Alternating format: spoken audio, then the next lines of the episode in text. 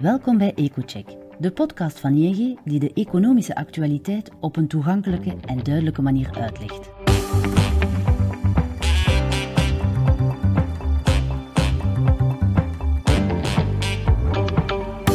Om de twee weken buigen onze economen zich over de meest besproken gebeurtenis en analyseren zij de economische en financiële gevolgen voor u of uw onderneming.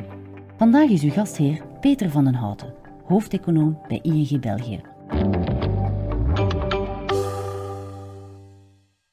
Welkom in een nieuwe aflevering van EcoCheck. In de vorige aflevering van onze podcast bespraken we de perspectieven voor de grondstoffenprijzen in 2023. In de voorbije weken hebben we op dat vlak al grote bewegingen gezien, met onder andere de gasprijzen die flink zijn gedaald.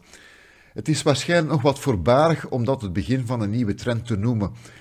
Energieprijzen waren in het voorbije jaar wel een belangrijke aandrijver van de inflatie. En dan komen we automatisch bij de centrale banken uit, het onderwerp van onze podcast vandaag. In december kwamen zowel de Amerikaanse als de Europese Centrale Bank met een renteverhoging van een half procent op de proppen. De belangrijke vraag waarmee de financiële markten vandaag worstelen is hoeveel de rente nog verder zal worden opgetrokken.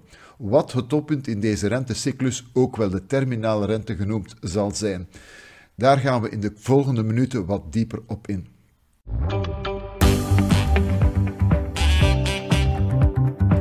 We luisteren naar de analyse van Peter. In de voorbije jaren hebben we, de, hebben we verschillende inflatoire schokken gehad. In 2021, toen de pandemie op zijn laatste benen liep, nam de vraag in de economie sterk toe.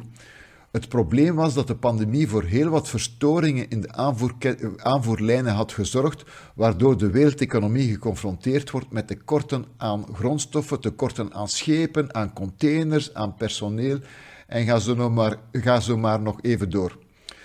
Het gevolg daar was, daarvan was niet alleen grote vertragingen, maar vooral ook forse prijsstijgingen. De oorlog in Oekraïne heeft verder tot deze inflatoire spanningen bijgedragen, want daardoor gingen ook de energie- en de voedselprijzen door het dak. Gevolg van dit alles was dat zowel de Verenigde Staten als de eurozone geconfronteerd werden met inflatiecijfers boven de 10%. Het was dan ook geen volledige verrassing dat centrale banken besloten om op de monetaire rem te gaan staan. De hogere rente moest de vraag afremmen, waardoor de opwaartse druk op de prijzen zou afnemen. De Amerikaanse centrale bank, de Federal Reserve, verhoogde in de loop van 2022 haar leidende rentevoet met meer dan 4%. De Europese centrale bank trok haar rente met 2,5% op. Dergelijke sterke, renteverhogingen zijn uiterst zeldzaam en we hebben dan ook een schokeffect op de financiële markten gezien. Zowel de obligatie als de aandelenmarkt eh, gingen flink onderuit en ook de vastgoedmarkten beginnen onder druk van de hogere rente af te brokkelen. Geen wonder dat op de financiële markten wordt uitgekeken naar de verdere plannen van de centrale banken. Zal de monetaire politiek ook dit jaar voor tegenwind blijven zorgen? Voor de VS is het grote voordeel dat de Federal Reserve zelf haar renteverwachtingen met betrekking tot de korte termijnrente publiceert. Om de twee vergaderingen doet ze immers een kleine enquête bij de leden van het rentecomité met betrekking tot de renteverwachtingen. In december steeg de gemiddelde raming van de terminale rente, het niveau tot waar de rente zal verhoogd worden, tot 5,25 procent. Ten opzichte van vandaag betekent dat er nog 0,75 procent zou moeten bijkomen. Met andere woorden, we zitten niet zo heel ver meer van de top. Voor de eurozone ligt dat iets moeilijker. We komen uit een heel andere situatie. De rente was een jaar geleden immers nog negatief in de eurozone. Hoewel ze sindsdien al met 2,5% werd opgetrokken, vindt de ECB nog niet dat het beleid voldoende restrictief is om de inflatie snel naar omlaag te duwen. Maar hoe kan je weten of, of, monetair beleid al dan niet restrictief is? Soms wordt in dat verband verwezen naar de neutrale rente. Dat is het renteniveau dat de economie nog stimuleert, nog afremt. Als de rente boven het neutrale niveau uitstijgt, wordt het monetair beleid automatisch restrictief. Maar die neutrale rente, dat is zowat de heilige graal. Iedereen zoekt ernaar, naar, maar niemand kan met grote zekerheid bepalen hoeveel die precies bedraagt. De gouverneur van de Franse Centrale Bank, François Villeroy, liet zich ontvallen dat voor de eurozone de neutrale rente dicht tegen de 2% zit. En dat is precies het niveau waarop de ECB-rente zich op dit ogenblik bevindt. Dus je zou kunnen zeggen dat de monetaire politiek van de ECB momenteel nog niet echt een remmend effect op de economie heeft.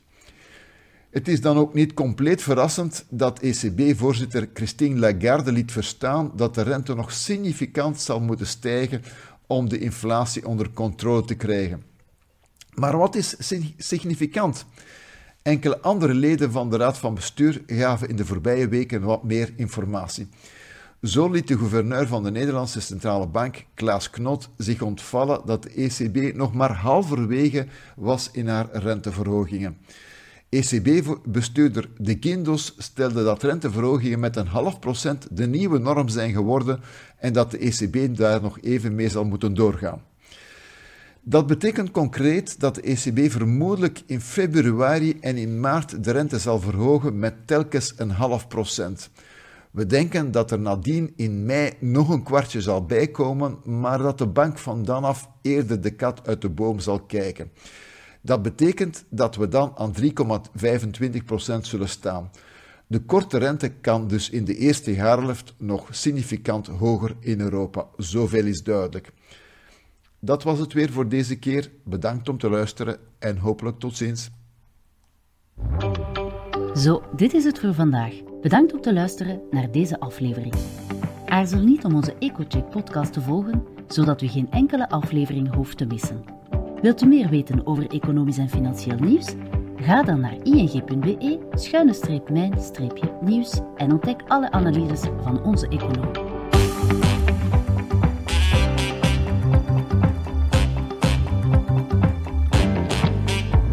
Graag tot de volgende aflevering.